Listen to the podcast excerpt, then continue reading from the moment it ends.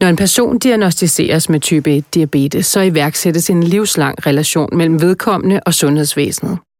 Det er en relation, der er præget af det traditionelle forhold mellem brugere og behandlere, men det er også et forhold i udvikling, hvor der stilles nye krav om fleksibilitet, om teknologisk standard fra brugernes side, og vi stiller ind på de krav og på behandlingen af type 1 diabetes i denne her podcast. Og derfor kan jeg sige velkommen til dig, Frederik Persson. Du er seniorforsker og overlæge på Steno Diabetes Center København. Og dig, Tobias Bøgild Damqvist. Du er direktør i type 1 Tænketank for Diabetes. Frederik, hvad er egentlig formålet med øh, brugerens behandling? Den langsigtede øh, øh, formål er at forhindre senkomplikationer. Det er det, som diabetes altid har handlet om, og det er desværre også der, hvor mange af skræmmebillederne opstår.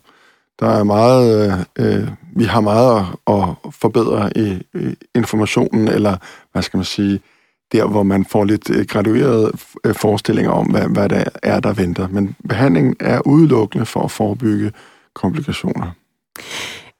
Det er jo sådan, at en nydiagnostiseret patient med type 1 diabetes møder sundhedsvæsenet med nogle forventninger og nogle krav. Hvordan ser du de forventninger? Det er godt at møde sundhedsvæsenet med forventninger og krav, øh, og især hvis sundhedsvæsenet kan indfri dem, eller i hvert fald lytte til dem som det første. Men det er sjældent øh, på dag et, at de er der. Det er oftest øh, senere hen, at de begynder at, at formuleres. Og derfor skal man som behandler være lydhør og klar til at reagere på forskellige øh, livs øh, spørgsmål og, og faser. Det er, en, det er en meget lang, øh, ligesom livet selv, så er det en, en meget lang karriere ofte at have type 1 diabetes. Og der vil være forskellige situationer, som kræver forskellig hjælp eller rådgivning. Tobias, du er jo repræsentant for brugerne i den her podcast, og helt generelt i dit liv. Hvad, hvordan, prøv at beskrive den udvikling, som en person øh, gennemgår, når, når de først stifter bekendtskab med sundhedsvæsenet i forbindelse med at have fået sådan en diagnose, og, og så øh, 10 og 20 og 30 og 40 år senere. Starten er jo ofte meget voldsom. Altså, type 1 øh, diabetes, når du får det, det vil jo typisk være, være karakteriseret af nogle virkelig kraftige symptomer. Du er enormt tørstig, du træt, du kan tabe dig voldsomt. Øh, altså, og så er det, altså det, det, det, er en, det er en livskrise. Og når du så får øh, diagnosen, jamen, så er det jo nogen til, oh, bare det ikke var, det er godt, det ikke var kræft. Altså ligesom det, det, der bliver sagt ofte, en typisk vending. Men, men det, det, det er en akut livskrise, en voldsom indgriben i dit liv rent fysisk, og så skal du lære et helt nyt sprog, et helt nyt sæt færdigheder. Du er 100% afhængig af læger og sygeplejersker til at starte med. Og så gradvis over årene, så gør du dig mere og mere fri selv, lærer alt det, som en sygeplejerske eller en læge ikke kan hjælpe dig med. Lever dit liv i øvrigt med den her sygdom, støder på nye problemer, nye kriser, nye komplikationer. Og på et eller andet tidspunkt, så er relationen vendt om. Til at starte med, der var det mig, der var en akut krise. For Frederik var det bare endnu en, en tirsdag eftermiddag på arbejdet.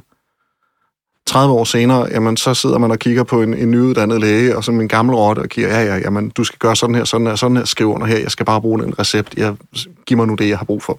Og så er det lægen, der er i akut krise, mener du?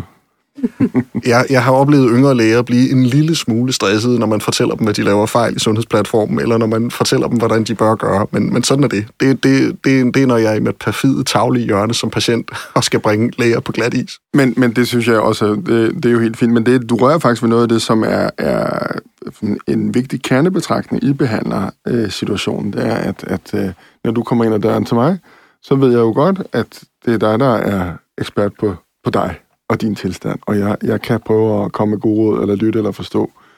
Og det, hvis man tager den holdning ind, i stedet for at vende om og sige, at jeg må jo være eksperten, siden du kommer til mig, men det er jo ikke mig, der lever med din tilstand, så tror jeg, man kan komme langt.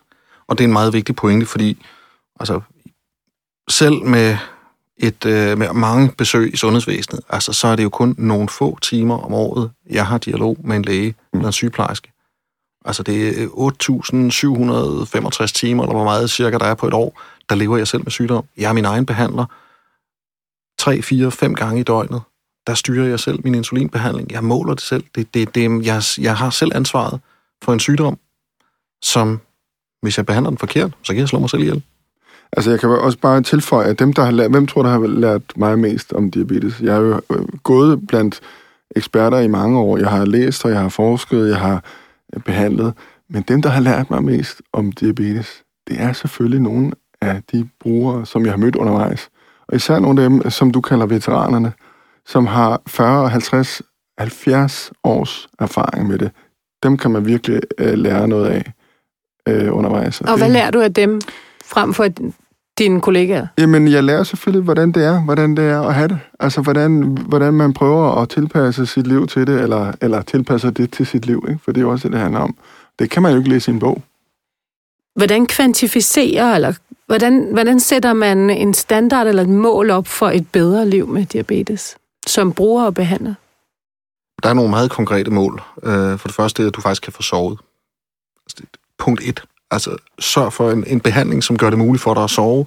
Det er meget, meget tydeligt for, for, hvad hedder det, for særligt forældre til, til børn med diabetes, altså hvor meget den sygdom fylder, at du ikke får sovet nok. Det er også, hvis du har en dårlig reguleret diabetes, ikke kan få sovet. Altså, hvis du går ned til én ting, sygdommen skal understøtte, at du sover, eller din behandling skal understøtte, at du kan sove ordentligt. Mm. Så er der selvfølgelig golden goals i forhold til, hvad er din langtidsblodprøve, din HbA1c. Den kan Frederik forklare langt om, hvordan den hænger sammen med mulige komplikationer og, og trivsel generelt. Men, men, men det at holde et blodsukker, ikke, ikke stabilt, fordi det er en illusion, men at have nogenlunde styr på svingningerne, vide hvornår de svinger, vide i hvilke situationer du skal gøre hvad, vide hvordan du forbereder dig på, hvad der, hvad der sker lige om hjørnet. Det er sådan set det, det andet mål, altså have den der fornemmelse for, hvordan, hvordan styrer du den her sygdom, når du selv skal være dit eget manglende organ, dit egen manglende bugspytkirtel. Mm. For at supplere til det, så kan man sige, i historien, så har vi jo netop systemet, som vi har bygget op omkring det her, har vi jo desværre fokuseret på et, et, et, et tal, ikke? en blodprøve, som man tager hver tredje måned, typisk. Øhm, og så er det hele drejet sig om det. Måske hvis vi havde haft øh, livskvalitet, en, en blodprøve, der kunne fortælle os livskvalitet, så havde det været mere naturligt at, at bruge det i stedet for. Vi har ikke en blodprøve for livskvalitet, men vi har nogle, vi har nogle andre måder at måle det på, og det kunne være, at vi skulle blive bedre til at fokusere på det også.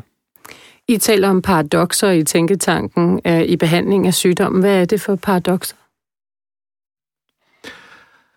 Et af dem er jo for eksempel, at den læge, der egentlig skal være din, øh, din primære behandler, samtidig også er, er, er, er gatekeeperen, portvogteren til det udstyr, der, der kræves for dit liv. Det er sådan, en, en, det er sådan et af de der voldsomme...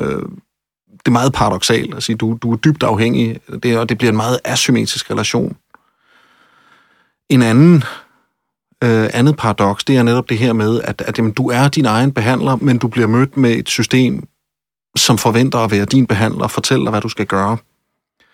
Øh, det, det, det er sådan to af de der mest åbenlyse paradoxer, vi, vi støder på, og som vi prøver at styrke, ligesom brugerinvolvering, styrke den rolle, som et menneske, der lever med diabetes, har i forhold til det system. Du nikker, Frederik. Jeg er helt enig. Ja. Ja, Tobias, I har jo en meget fin liste med ord, som behandler gerne må glemme meget hurtigt, øh, og ord, der fint kunne erstatte øh, de her øh, ord, som skal glemmes. Kan du give nogle eksempler på dem? skal man altid passe på, når man begynder at tale med sprog, fordi det er noget af det, der i brugerkreds giver aller, aller flest diskussioner og beskyldninger om at være woke eller forkert fokus. Men hvis vi bare starter med sukkersyge. Altså, på sin vis er det jo en fin og fornuftig beskrivelse, det kan forstås af små børn, og på sin vis ligger der jo enormt med stigma i det. Jamen, er det fordi, du har spist for meget sukker? Er det grundlæggende din egen skyld? Eller bare det at tale om en diabetiker? Jamen, jeg er jo ikke min sygdom. Jeg lever med sygdom det giver et helt forkert fokus i, i behandlingen, et forkert fokus i, hvordan det bliver talesat, eller at sige, jamen, skal jeg til en konsultation, eller skal jeg til en kontrol? Det er sådan et, et, et tredje eksempel. Eller måske nogle af de værste, når du bliver mødt med, med sådan nogle lægefaglige udtryk som compliant. Patienten er ikke compliant med behandling. Læs. Jeg har ikke gjort, hvad Frederik sagde til mig, altså er det min egen skyld. Ja. Frederik, du sagde til mig, før vi lavede den her podcast, at jeg ikke måtte sige ordet patient. Det er bruger. Hvorfor? Jamen, det er egentlig bare for at illustrere, at vi, vi, prøver at, at, eller, vi prøver at reformere vores indstilling til det, efter at have forstået, hvad det handler om. Øh, det synes jeg, der er, er, er positivt. Ikke? Altså, og mange af de ting, du nævner her, er heldigvis noget, som, som vi som behandlere er kommet videre med. Øh, det, det er i hvert fald 10 år siden, vi kaldte det sukkersyge, hvis jeg må tage hele min alle mine kollegaer er med her, så, så øh, er vi der. Vi, er, vi kan dog lære noget, og vi ændrer os øh, gradvist, og det synes jeg er heldigt. Det kan sagtens blive bedre, men du har fuldstændig ret i, Tobias, at der ligger rigtig mange forstokkede holdninger i de udtryk, der typisk er blevet brugt, og som man bliver mødt med, som, som kræver øh, reformation simpelthen. Frederik, øh, hvordan matcher man bedst bruger og behandling eller teknologi? Altså, hvilke overvejelser gør du der? Ja, altså, Når du står med for eksempel en ny, ny bruger? Jamen, det handler meget om, og, synes jeg, at lytte og, og hjælpe til, til indsigt og, og forståelse og sætte nogle fælles mål. Uh, det skal jo ikke være mine mål, der skal dominere. Det skal selvfølgelig være uh, individets uh, holdning til, hvad der skal ske. Og det, fordi det er alligevel det, der sætter uh, kursen alligevel. Hvad er du opmærksom um, på? Jamen, øh, det kommer lidt an på situationen, men det er lidt med, du ved, man får jo meget ud af, som sagt, at lytte og stille spørgsmål. Hvad, hvad handler det her om? Hvad for nogle spørgsmål? Hvad er det for nogle bekymringer, der, der melder sig nu? Det kan være nogle andre bekymringer, der melder sig om fem år. Hvad er det? Er der meget fokus på praktisk håndtering i hverdagen, eller er det de store livsperspektiver, øh, der spiller ind? Det kan være sådan noget med valg af erhverv. Kan jeg nu blive, øh, øh, øh, kan jeg nu blive politibetjent, eller kan jeg ikke blive politibetjent, som jeg altid har drømt om? Sådan nogle spørgsmål kan jeg jo meget hurtigt komme til at fylde. Øh, eller også kan det være sådan på en meget, meget praktisk orienteret måde, hvordan skal jeg kunne måle blodsukker, når jeg er på arbejde? Fordi det, det har jeg faktisk ikke lyst til, at jeg skal stå og fedt med midt inde i 7-Eleven, eller hvor det er, jeg arbejder. Ikke? Helt øh, forskellige situationer, som man bliver nødt til at at lytte til og, og prøve at, at hjælpe med.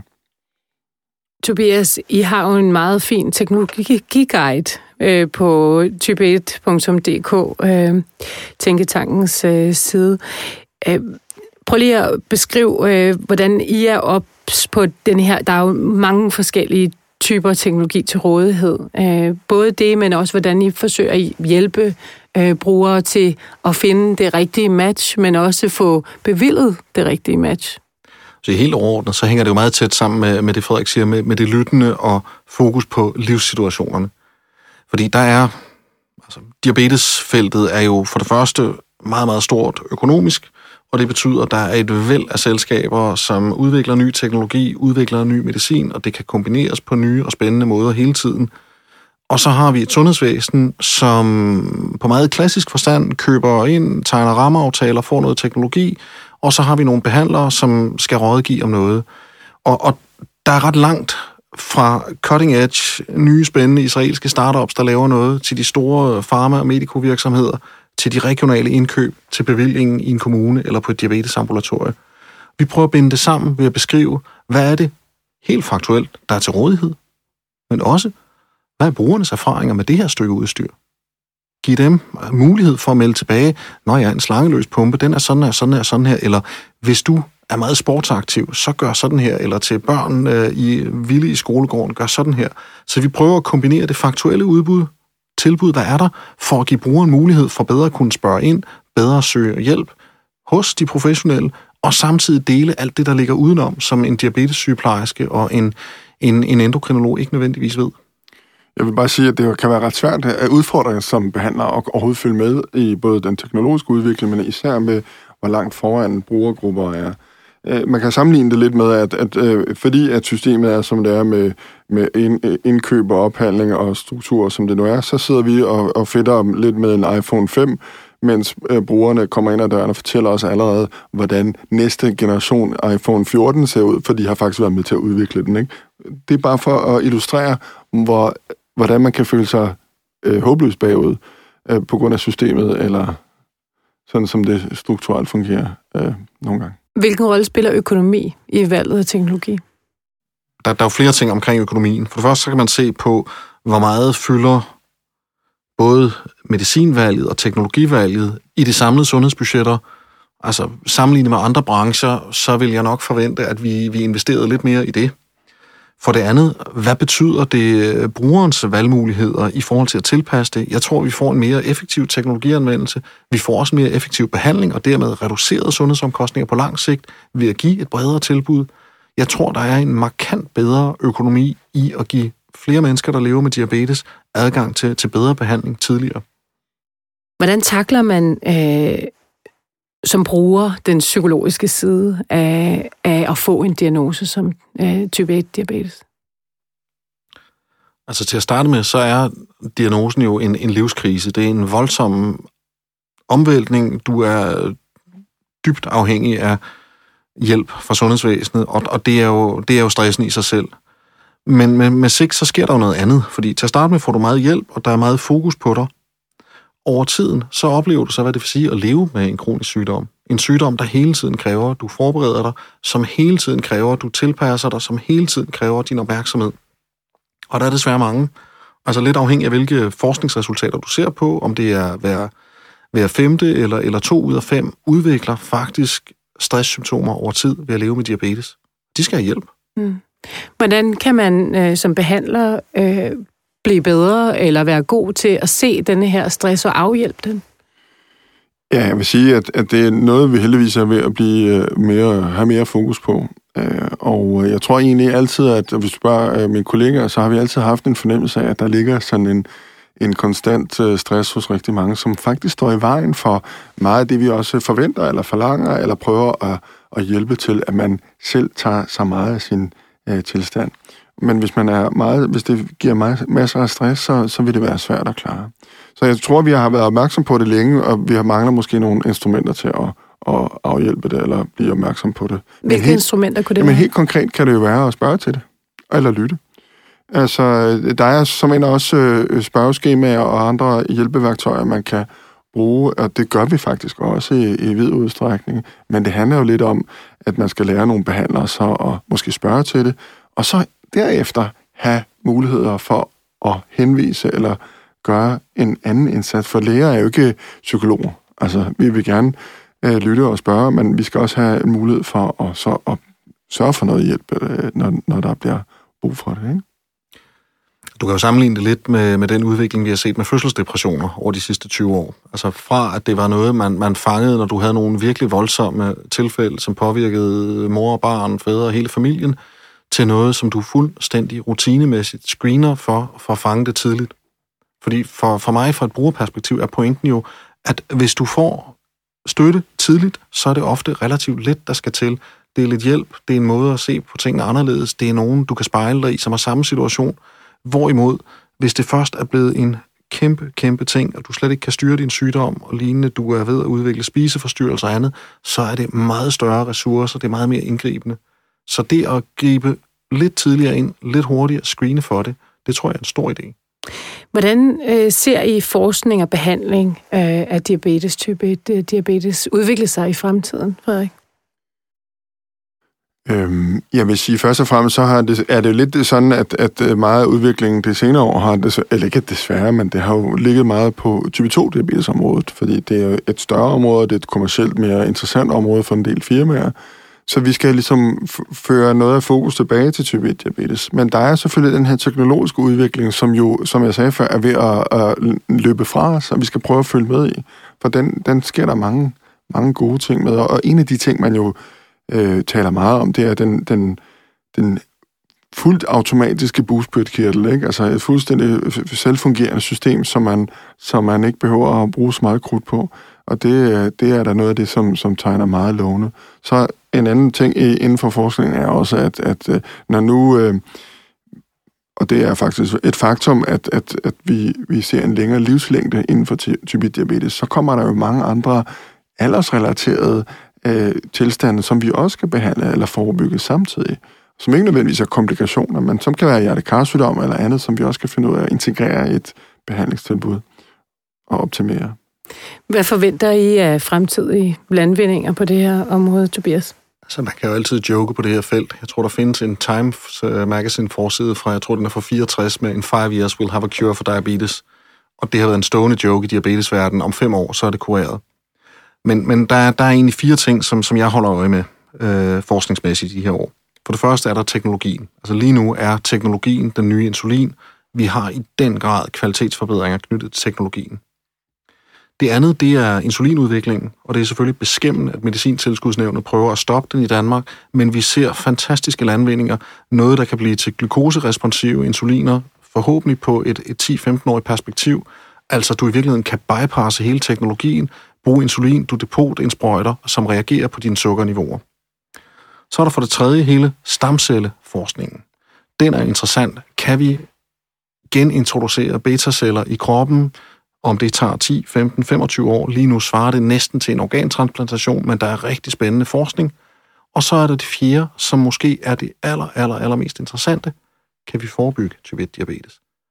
De spændende finske forsøg, der kigger på, hvilke viruser, som måske udløser trigger immunforsvaret til det her.